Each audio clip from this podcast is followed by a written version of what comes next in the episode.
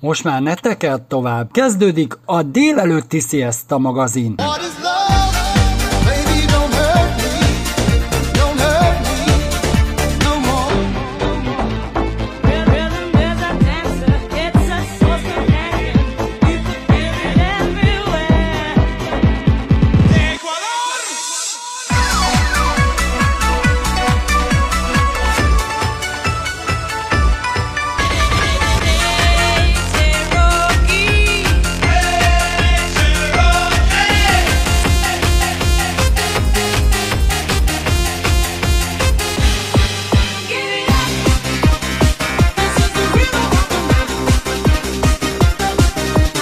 of my life.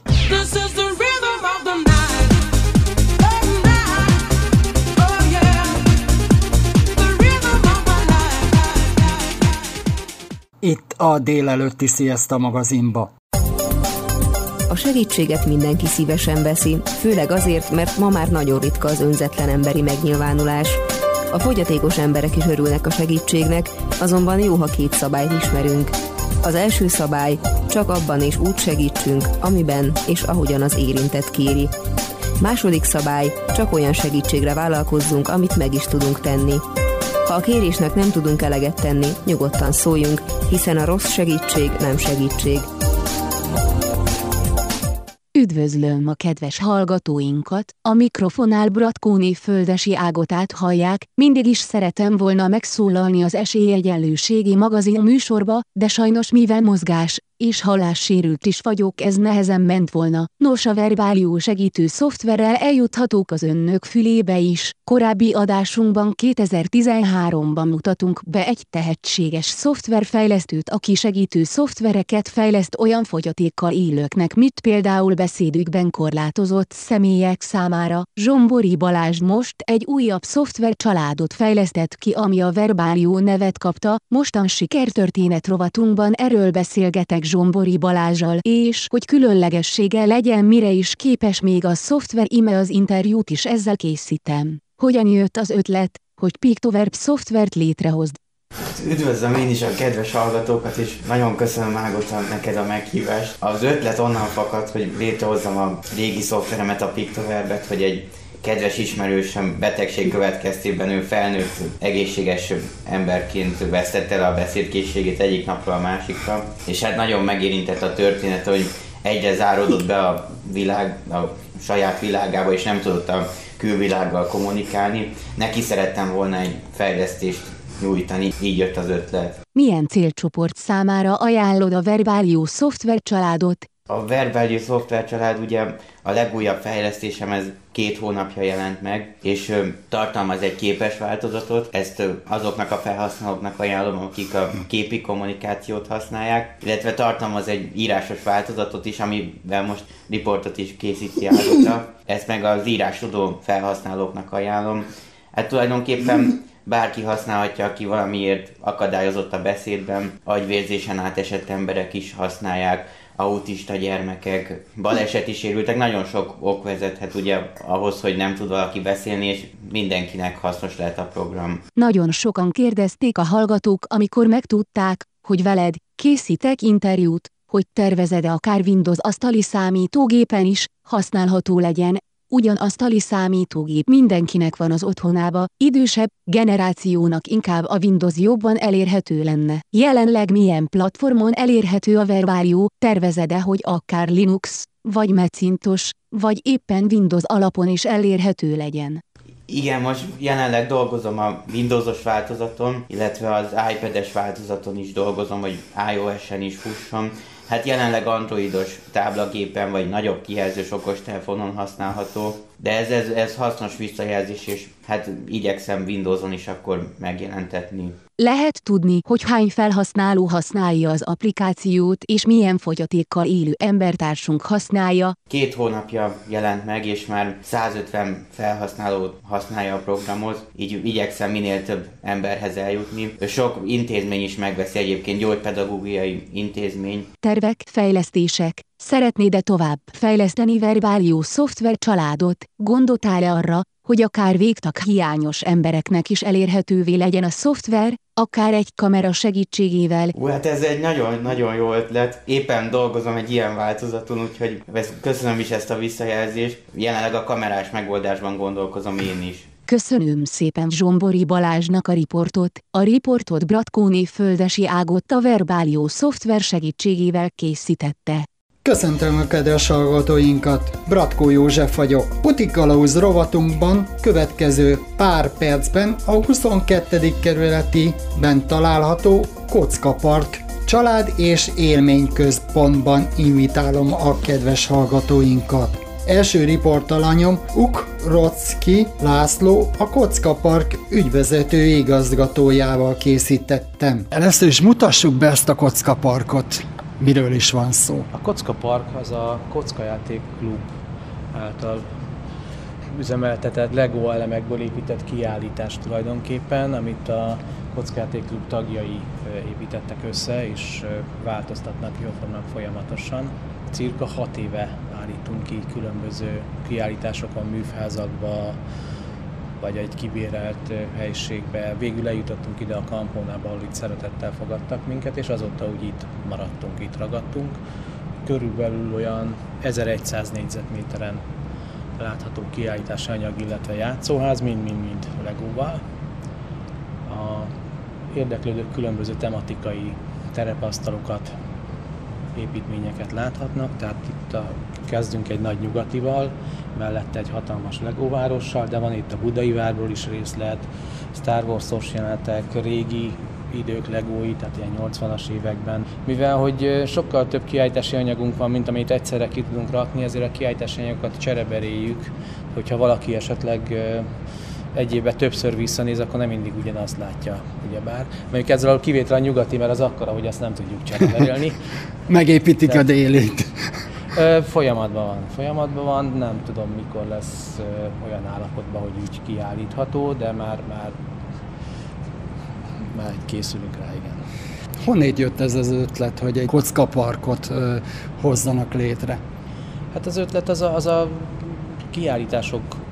kiállításokat fejlesztettük. Mert Magyarországon még nincsen ilyen, ha jól emlékszem. Mm, Kis kiállítások vannak, tehát vannak más Lego klubok is, kisebbek. A Lego szeretetét próbáljuk úgymond átadni az embereknek a munkáinkkal. Lehet tudni, hogy hány Lego kockám épült itt ez a idézőbe város, meg egyéb más ö, Összeszámolni dolgok? nem tudjuk, ezt csak satszolni lehet. Tehát, hogy a terület nagysága miatt, és hogy az alkotó elemek száma az ugye a mérettől is függ. Tehát amikor kockáról beszélünk, akkor alapból mindenki egy kétszer négyes kockára gondol- mert így körülbelül azzal azonosítják a legót, de ahhoz képest vannak sokkal kisebb elemek is. Tehát, hogyha alkotó elemek számáról beszélünk, akkor én így sacra azt mondom, hogy ilyen 1-2 millió között van az, amiből a kiállítási anyagok felépültek. Van egy különleges ö, darab itt a kiállításon. Hát különleges darab mindig van valami, csak hogy állandóan csereberéljük, azért mindig más.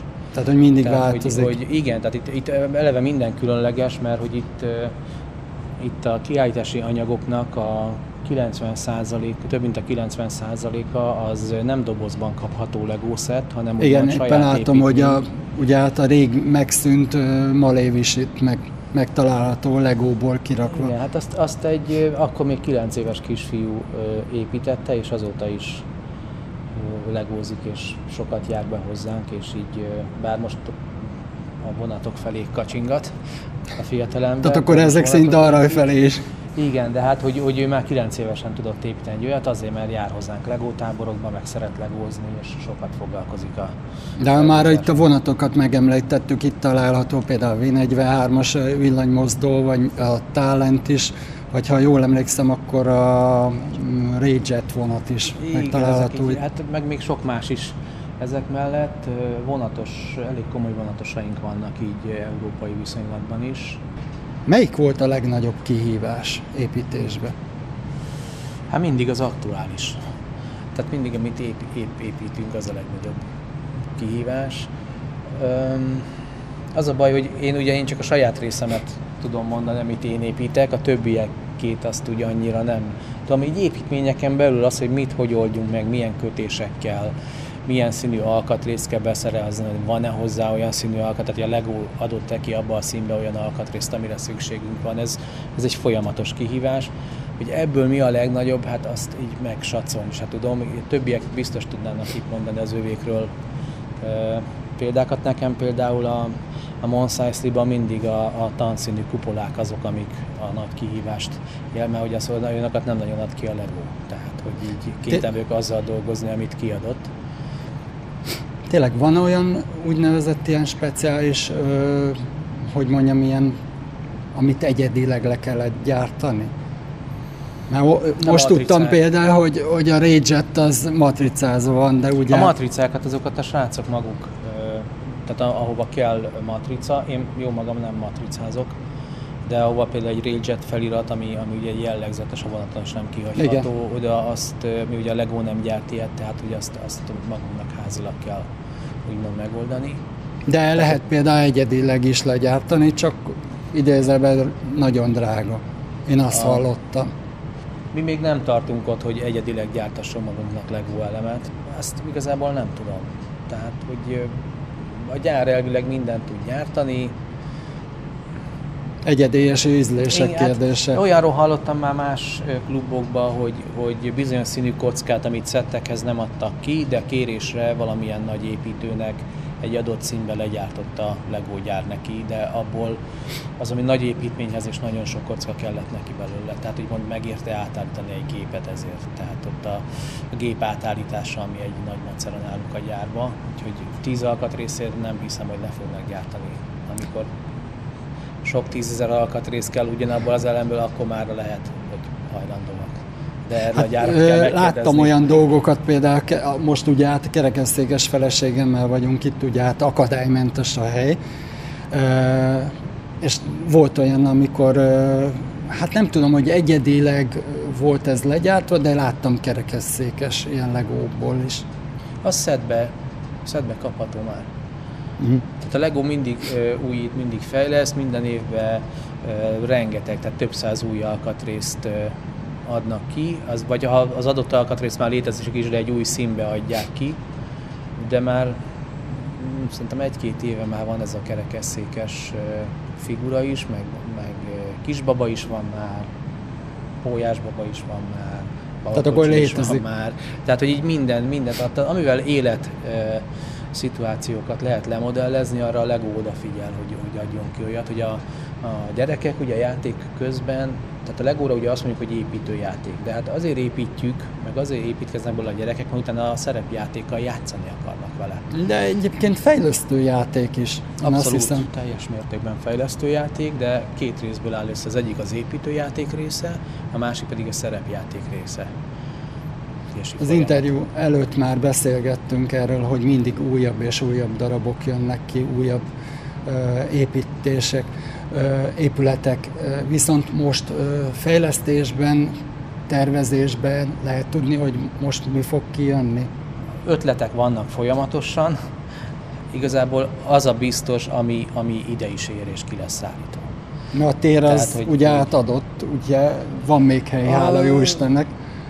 A tér az, az adott, azt úgy variáljuk, ahogy, ahogy, tehát amíg a falakat nem kell mozgatni, azon, azon belül úgy rendezzük át, ahogy nekünk tetszik, és ahogy energiánk van hozzá. Mindig azt szerint szoktuk rendezgetni, hogy, hogy mi az, amit kiállítási anyagként jön úgymond befele, és mi az, ami megy elfele. Tehát, hogy most például per pillanat a Román Klub van itt vendégeskedni nálunk több terepasztallal, Akkor ilyen vendég kiállítás is van? Persze folyamatosan keressük azokat a, a hát egyrészt a, a, olyan kiállítókat, akik, akik tényleg ezt a Lego építés ö, szintet megfelelő szinten művelik és szeretnek kiállítani. Ők azok folyamatosan így, így jönnek hozzánk, és így, így többen itt is maradnak velünk. Illetve más klubokkal, tehát főleg nemzetközi szinten is ö, keressük a kapcsolatot. Van is, tehát hogy így, így folyamatosan egyeztetés alatt van, hogy ki mikor, hogy tud jönni és mivel. És akkor, amikor ők jönnek, akkor az ő kiállítandó területükhöz kell igazítani ugye a, a, az itteni kialakítást. Tehát ilyenkor mindig úgy átrendezzük a placot. Itt szó esett, hogy interaktív a kiállítás. Látássérültek számára lehet tapintani, vagy vezetés hát, oly- tudna biztosítani? Az, az, az, az, az interaktivitás ugye De az, hogy ugye nem hát most statikus. szóba került, hogy ezek Hát hát igen. nincsenek ragasztva. Igen, épp ezért a látássérültek, hogy itt, itt úgymond tapogatással tanulmányozzák a dolgokat, az, az a, az egyetlen, amire konkrétan teljesen felkészületlenek vagyunk, mert ugye szétesnek tapogatásra. Én azt gondolom, hogy egy, egy látássérült számára a formák azok nagyon sok információt hordoznak, ők inkább az építéssel tudnak itt foglalatoskodni. Az a látványvilág, ami itt van, azzal ők nem tudnak mit kezdeni szerintem. De gondolom volt ilyen halássérült vendégük, hogy kerekesszékes. Az, az, az van itt egyedül a látás, mert ugye ez főleg, tehát itt látványvilágban erős ez a kiállítás, ugye már, tehát hogy itt az élmény, a lát, ö, a megépített dolgok között, de ezek nem, nem fogdoshatók, nem tapogathatók, tehát azért van ugye ö, kordonban körül. Ami fogdosható, tapogató, ez a játszóházban, ott viszont nincs is kordon. Tehát azt, azt lehet, a magát a kiállítási anyagokat, azt azért sem, mert hogyha sérül, akkor nem fogjuk tudni még egyszer összeépíteni. Mennyire interaktívak a gyerekek? Ugye hát a játsz, játszóházról beszélünk. Tehát, hogy a gyerekek azok, azok hogy mondjam csak, itt, nagyon-nagyon be tudnak indulni, pedig ez nem egy olyan játszóház, ahol ugrálni, megugrálni és rohangálni kell, de mégis nagyon felpörögnek itt, és nagyon szeretik. Kevés szülő van itt abban a szerencsés helyzetben, hogy le tud ülni, és, és nyugodtan el tud lenni 20 percet, amíg a gyerek játszik, mert a gyerekek azért szeretik bevonni a szülőket. Tehát azért is van kialakítva több játszópont, ahol a gyerekek a szülők Hogy egybe szülő is gyerek lesz. igen, illetve, illetve ugye a zsetonos programoknál is direkt úgy van megcsinálva egy-két program, ahol, ahol még egy anya a lányával tud egy ékszert de erről majd a lányok mesélnek, mert ők csinálják a zsetonos programokat. Úgyhogy, tehát itt, itt a gyerekek azok, azok annak ellenére, hogy ez nem egy fel, tehát nem egy tombolda típusú játszóház, egy ilyen ugrabugra hely, ahhoz képest a gyerekek itt is, mert akkora impulzus éri őket, hogy, hogy náluk ez egy ilyen felpörgés szinten jön ki. Zene után folytatjuk. Következő interjúból megtudhatjuk, mit is lehet alkotni a Technik Legóból. A riportalanyom pedig Sebestyén Csaba lesz. Egy újabb helyszínen érkeztünk, ugyanúgy a Kocka Parkba vagyunk. Mik láthatók itt? Ugye hát most ez a baj, hogy nem tévé vagyunk. Hát ezek a Autók. autók, motorok, egyéb ilyen technik alkatrészekből és technikes szettekből épített dolgok. Vannak benne régiek, vannak benne újak, vannak saját építésűek, és gyakorlatilag ebben minden pneumatikusak, motorizáltak, vagy csak simán szabadon futó. Mi a különbség a hagyományos kocka Legó között és a, ugye hát a technik között? Hát általában a technikek azok nem csak a szokásos kis bütykökkel rakhatók össze, hanem ezeknek egyéb ilyen kapcsolatok vannak, amiket hát mi szaknyelven pinnek nevezzük. De ezek a, az ideval tartozó kockák általában lukasak, hogy tengelyeket, egyéb felépítményeket így lehessen összeépíteni, vagy akár futóműveket, differenciálműveket lehet velőle csinálni, és ez erre épül. Na, va- vannak olyan modellek, amiről meg nem mondanám szinte, hogy ö, kockából van. Hát Lego is fejlődött azért az évek alatt, tehát a technika az már 40 éves, éppen tav- tavaly volt 40 éves, tehát megjelentek olyan elemek, amik a nagyon régi készletekben nem voltak, azok tényleg ilyen elég kockásak voltak. Most már azért a Lego is próbálkozik azzal, hogy ilyen ívelt elemeket, doblemezeket, mi egyebeket csináljon, tehát amiből úgy olyan autókat vagy egyebeket lehet készíteni, amik jobban hasonlítanak a utakon levő járgányokhoz. Ezek szerint van olyan modell, ami kimondottan szinte menne is? Tehát motorozja. Gyakorlatilag szinte mindegyiket lehetne motorizálni, távirányítóval, vagy valamilyen módszerrel működtethető. Mert hogy már ilyen is van. Persze, természetesen. Akkor én megálltam a fejlődésben Vannak szinte. ilyenek, de vannak olyanok, amiket mit tudom én, itt van ez a Porsche például, ezt kiadta tavaly, ami nem motorizált a Legóba, de gyakorlatilag aki egy kicsit már így foglalkozott technikekkel, az hozzá tud építeni motorizálást és távirányítást, és gyakorlatilag akkor így menetkész is lehet az ügy. Ezt házilag kell... Ezt, igen, ez házilag kell, mert ezt a Lego nem adja hozzá, ezt mindenkinek saját magának kell kitalálni, vagy hát keres a neten Gondolom leírást. működik. Persze, persze mindegyik elemmel, vagy akkumulátorral. Gyakorlatilag mindent meg lehet csinálni Legóból, hát ha hozzátesszük azt, hogy azért pici korlátai vannak a kockázottsága miatt a Legónak, de gyakorlatilag mindent meg lehet csinálni. Én már láttam habverőt is, amivel habot is lehet verni. Tehát működő, képes, és még a design is nagyon ott volt a tehát azt is meg lehet csinálni, bármit. És így a riportunk legvégén essen szó a programokról is, illetve a tervezett programokról, és különleges élményekről is, ebben segítségemre lesz Farkas Tóth Nikolett. Az irányított programjaink azok folyamatosan változóak, tehát ezeket mindig bővítjük, cseréljük, ezek, ezek mindig más, más és más. Egyébként ezen felül meg szokott lenni ilyen kitelepülésünk, illetve ilyen egyedi építőprogramok, mint például volt karácsony előtt karácsonyfa építés, ezeket így lent a folyosón ingyenesen látogatható, ingyenesen vehetnek részt rajta. Csak egy regisztrációs lapot kell kitölteni, és akkor... És ezt is volt- kockából lehetett kirakni. Persze, persze, ezt is legóból minden. És volt karácsonyfa építésünk, volt repülőépítési program, volt, hogy hajót építhettek a gyerekek.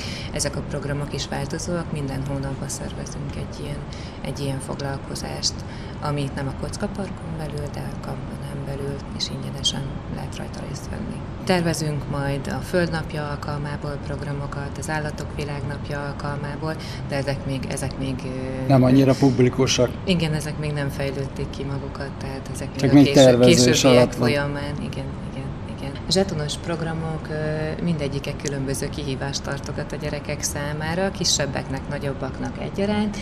Ezek a programok irányított építési programok, de szükség van a saját kreativitásukra mindegyiknél. Van, amelyik útmutató alapján történik, ezt könnyebb létrehozni a kicsiknek, van, amelyiknél pedig teljesen a, a, a fantázia szükségeltetik hozzá, hogy meg tudják építeni. Útmutató mit akar? Tehát kapnak egy rajzot, és akkor azt mind a bármelyik dobozba Így van. megtalálható, és akkor ugye hát azt kell összerakni. Így van, így van. Ha valakinek az alapján sem sikerül olyan könnyedén, az animátoraink mindig felügyelik, illetve részt vesznek a zsetonos programokba, és ők segítenek mindig, ha a kicsik elakadnak, sőt, biztatjuk őket, hogy próbáljanak meg saját fantáziából dolgozni, hozzátenni. Itt leginkább ugye minden arról szól, hogy a saját kreativitásukat, a készségeket, a finom motorikus készségeiket, amik, amit igazából a, a digitális eszközök nem igazán tudnak fejleszteni, ezeket itt meg tudják élni, és ebből is legyen sikerélményük. A zsetonos programoknak annyi az egyik legnagyobb előnye, hogy a gyerekek nem távoznak üres kézzel, tehát garantált sikerélményt nyújtanak a számukra a megépített építményeket, vagy pedig a kihívások jutalmazásaképpen ajándékban részesülnek. Tehát amit megépítenek, akkor azt haza is lehet vinni. Programtól függő, van amelyik programnál igen, azt vihetik haza, amit megépítettek, van amelyiknél pedig ajándékot kapnak a kihívás végén. Esélyegyenlőségi magazin. Írjanak, lájkoljanak bennünket a Facebookon www.facebook.com per Esélyegyenlőségi magazin címen. E-mail címünk esélyegyenlőségi.magazin kukaszgmail.com Esélyegyenlőségi magazin. Írjanak, lájkoljanak bennünket a Facebookon www.facebook.com per Esélyegyenlőségi magazin címen. E-mail címünk esélyegyenlőségi.magazin kukaszgmail.com Bevallom őszintén, a legtöbb interjú alanyommal magázni szoktam, de te nagyon fiatal vagy. A legtöbb ilyen fiatal inkább úgynevezett más szakmát választ. Te miért választottad a méhészetet? Nálunk igazából ez ilyen ö, családi ö, vonás. Nekem ö, már nagypapám is méhészkedett, apukám is méhészkedett, így gyerekként tulajdonképpen egész gyerekkoromban folyamatosan méhek mellett voltam, folyamatosan találkoztam velük, állandóan ettem a mézet, és így amikor a pályaválasztás időszaka jött, akkor el kellett dönteni, hogy akkor most magam felépítek egy karriert, vagy egy vállalkozást, vagy bármit, vagy felhasználom azt, ami amúgy is van, és akkor ahhoz próbálunk meg több értéket adni, azt növelni. Akkor úgy döntöttem, hogy igazából a, a, a, nekem ez a méhészet tetszik, én mindig is szerettem, úgyhogy inkább akkor erre felé mennék tovább. Milyen mézfajták léteznek? Itt ugye hát a legtöbben a virág, akác, meg ilyesmit is de ismernek, de ezen kívül vannak olyan speciális mézek, mint például a repceméz. Hát a repcét azt igazából ö, már egyre többen ismerik, és egyre többen ö, készítik. Vagy például itt van a dióméz. Sokan nem tudják, hogy például a szívre nagyon jó. Mi diómézet nem készítünk, nekünk olyan mézünk van, hogy az akácmézbe beletesszük a, a diót, és az serkentőleg hat az agyra. A méz nagyon sok anyagot ki tud oldani növényekből, termésekből, bármiből, amit, amit az ember beletesz, és így a dióból is képes olyan anyagokat kioldani, amiket nem biztos, hogy a szervezet ilyen mértékben tudna egyébként hasznosítani.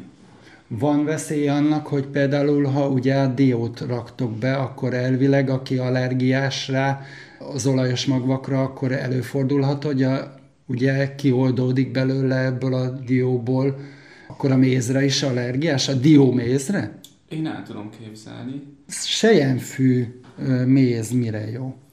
És ilyen fűméz az vérnyomás szabályozó, vérnyomás csökkentő méz egyébként így hatásában. Viszont azt ugye általánosságban azért tudni kell a mézekről, hogy minél sötétebb egy méz, annál magasabb a beltartalma. Egy sejjenfűnek ö, elég sötét színű méze van, igazából a háshoz szoktam hasonlítani, mert a há- hásnak, ö, annak így a magyar viszonylatban az egyik legmagasabb eltartalma van a gesztenye után, de mondjuk a hárshoz képest jelentősen le van maradva a sejemfű, viszont még mindig ő áll hozzá legközelebb. Például egy akácmészben van a legkevesebb, vagy a legalacsonyabb eltartalom, mondjuk az a negyede vagy ötöde egy sejemfű méznek. De ezt körülbelül ilyen nagyságrendben lehet elképzelni. Milyen betegségekre jók ezek a mézek?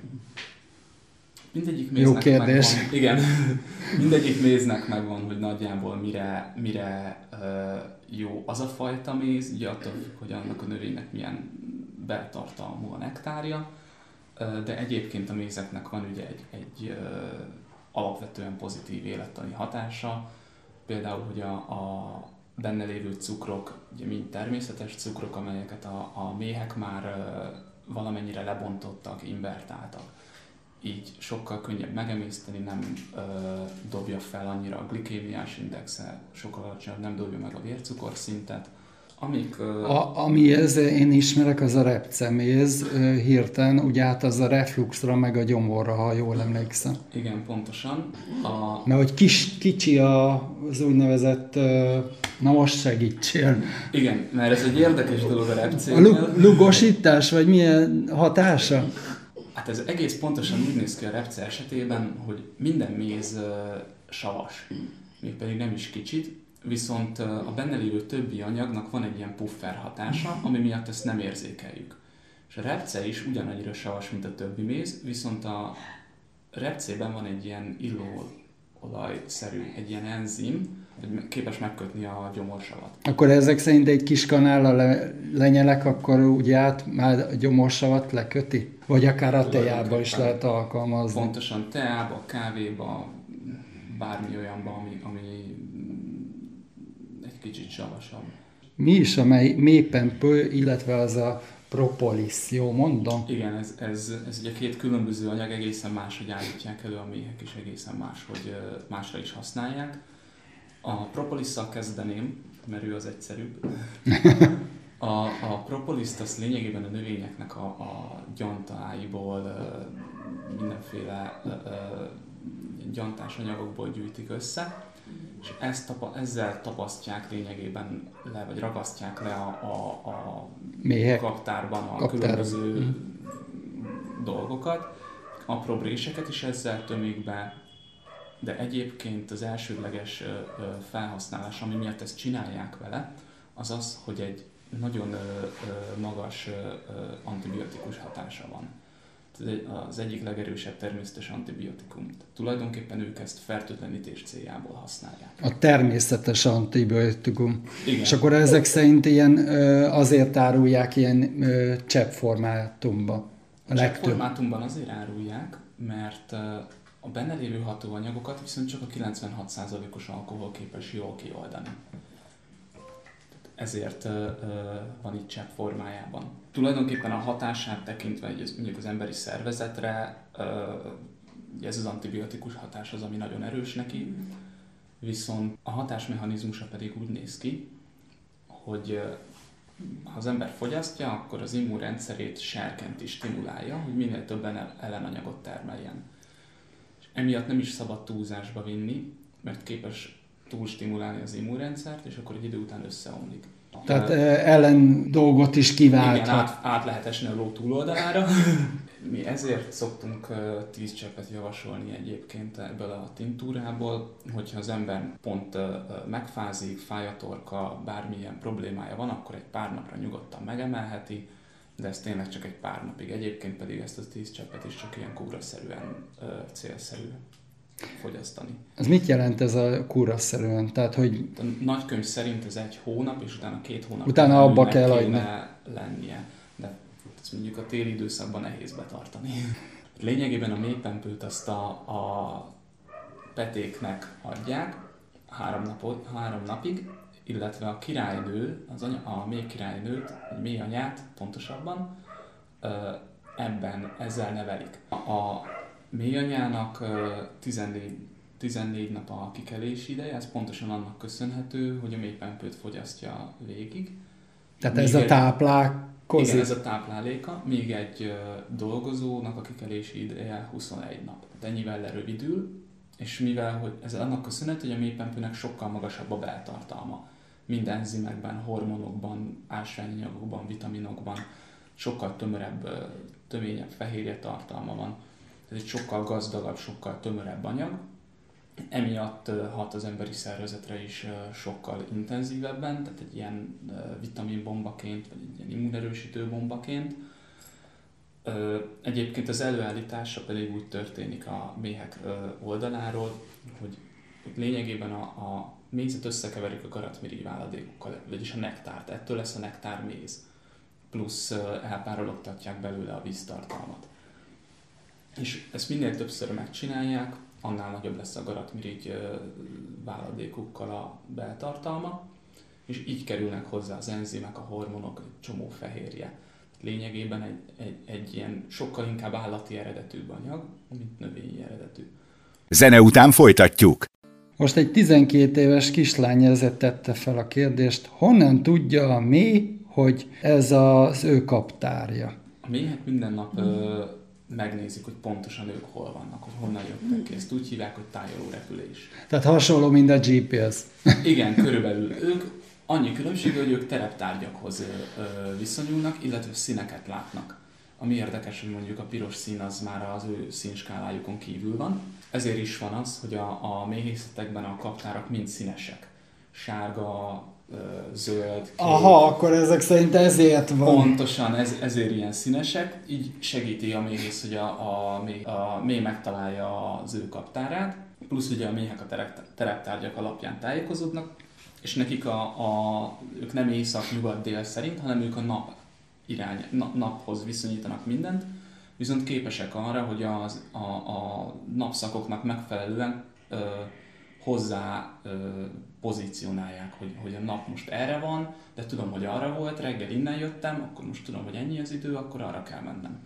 Mi van akkor, ha például kivágnak egy fát? Tehát pont ezzel ugye hát a szegény mi az a, az úgynevezett pontja, ami betájékoztat. Megzavarja őket. Lehet látni a mozgásokon, a repülésükön ilyenkor, hogy, hogy azért olyan kicsit zavarosak, kicsit olyan, olyan értetlenkednek. Alapvetően visszatalálnak persze ettől még ugyanúgy a saját kaptárukba, de ilyenkor mondjuk azon a részen lehet, hogy egy kicsit több mély fogott úgy gondolkozni, akkor most mi is történt. Ugyanez a kislány kérdezi, hogy mit csinálnak a méhek télen. Hát télen tulajdonképpen sokan jönnek úgy, hogy ugye a méhek most alszanak. Méhek nem alszanak. Tehát télen a, a méhek tulajdonképpen összetömörülnek egy ilyen, úgy hívják, hogy telelő fürdbe, és itt próbálják meg azt a hőmérsékletet tartani, ami nekik az életben maradáshoz szükséges. Tulajdonképpen van egy ilyen, ez egy ilyen nyugalmi, ilyen takarékos időszak náluk. Tehát fűtik a kaptár Pontosan. belülről. És ennek az a technikája, hogy a, a külső ennek a fürtnek a külső héján lévő méhek nagyon tömören vannak, és ahogy haladunk egyre beljebb, egyre lazábban vannak. Csak a belső méhek mozognak, és ők termelik a hőt, és hogyha a külső méhek túlságosan lehűltek, akkor helyet cserélnek. És a természet nagyon jól kitalálta ezt, mert egy darab méhecskének a testhőmérséklete az képes kibírni akár 15-20 fok változást is, akár a nulla fok köré képes lehűlni pár órára.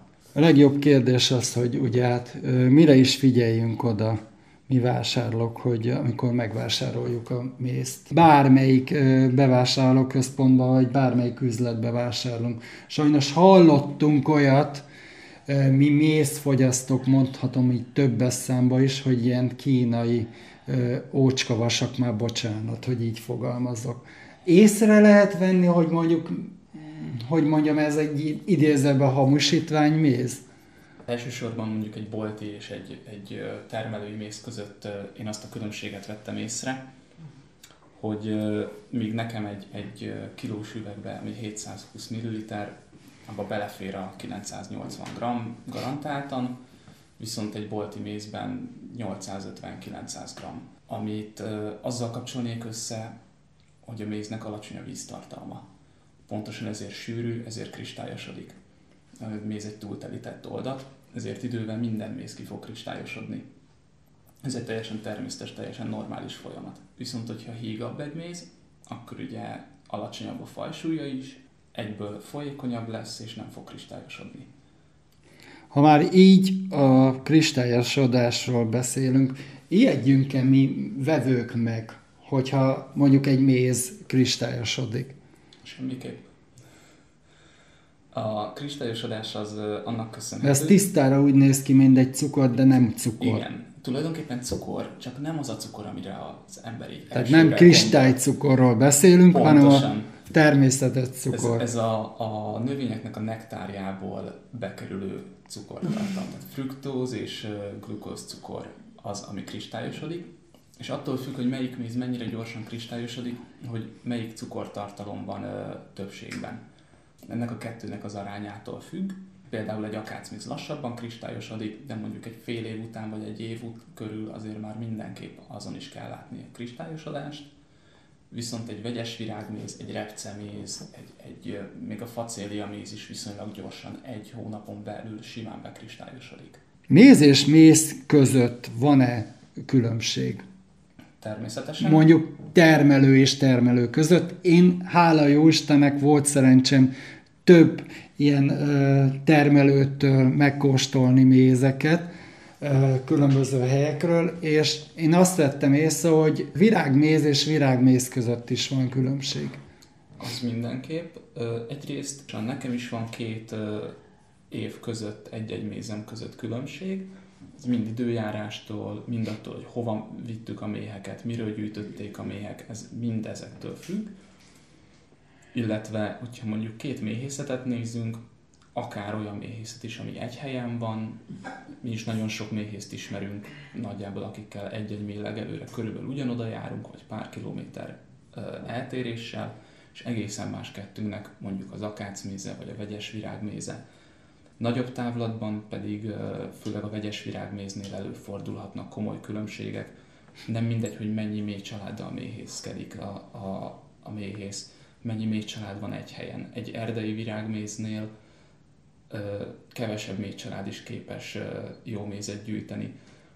Viszont egy olyan helyen, ahol ö, ö, kevesebb, kisebb a növénydiverzitás, oda hiába tesz oda az ember sok mély családot, akkor se tud egy olyan beltartalmú mézet előállítani.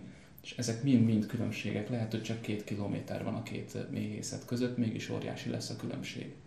Ti méhészetéteknek, mert hogy ugye családi vállalkozásba vagytok, hányfajta terméketek van? Nekünk általában évről évre 5-6 féle mézünk van, és ezen kívül még szoktunk csinálni ilyen ö, magos mézeket dióval, vagy ö, aszaltáfonyával, aszaltszilvával, mandulával. Ezeket elsősorban akácmézzel, illetve vannak gyógynövényes mézeink, amelyek az ö, esetében az akácméz van beízesítve a gyógynövényet. Tehát a gyógynövényből Múltkor láttam ez pont a Facebookon, és most ez elárulok a kedves hallgatóknak, hogy ilyen csilis mézet is láttam, azt hiszem a pont a ti honlapotokon. Ezt uh, idén teszteltük, és idén csináltuk először. Még e- nekünk is újdonság. Ezt például egy ilyen izgalmas érdekességnek szántuk ezt a csilis mézet. Mire jó ez? Mi, mire lehet felhasználni? Igazából, amire én gondolok, Olyan ételekhez gondolom. A, a, a pácolásához nagyon izgalmas lehet. De nagyon sokan szeretik például ugye csilis csokoládét, ez egy hasonló dolog, csak nem csokoládéval, hanem mézzel. Egy ilyen élvezeti cikk oldala is van a, a dolognak. Honnan tudhat meg többet a kedves hallgató a termékeitekről? Nekünk egyenlőre egyrészt ö, piacon értékesítünk, tehát ott, ott ö, Budafoki. bárki megtalál minket, igen. Aki Budafokon. régen a Vá- Varga Jenő tér, vagy mostani Városház tér, jó mondom, Pontosan. ott lehet ö, kapni ezeket a termékeket, vagy a Facebookon vagytok rajta, gondolom. Online pedig pontosan a Facebookon lehet minket elérni, ugye Mézcsek Manufaktúra a nevünk, úgyhogy ezen a néven vagyunk fent a Facebookon is, illetve nagy tétényben a helytörténeti kiállításon is mi képviseljük a méhészetet, mint szakmát. Mi régi felszereléseink kerültek le oda, és ott másik szép kerületi szakmával lehet megismerkedni, többek között velünk is. Szabó Zoltánnak pedig köszönöm szépen a riportot. Én is köszönöm szépen. A műsorunk együttműködő partnerei A segítő kutyánkat, szépségét és kikapcsolódását a Dogmopolite segíti. Dogmopolite, kutyapanzió, kutyakozmetika, kutyasétáltatás, aktív napközés, kutyakigépzés felsőfokon. Műsorunk támogatója az Ukkó Hungary Kft. Ukkó teja, a folyékony egészség. Önök a Siesta magazin műsorát hallották. Műsorunkkal legközelebb jövő héten szombaton találkozhatnak velünk ugyanezen a frekvencián. Munkatársaink voltak Bratkó József szerkesztő, műsorvezető, Bratkóné Földesi Ágota szerkesztő, Juhász Tímea, Molnár Erika, Rajecki Gabriella, Rákos Gábor, Tarcsi Géza. Műsorunkat megtalálják a Facebook közösségi portálon, míg riportjainkat Spotify, Google Podcast, Breaker Podcast, Anchor FM Podcast kínálatában is elérhető. Tartsanak velünk legközelebb is!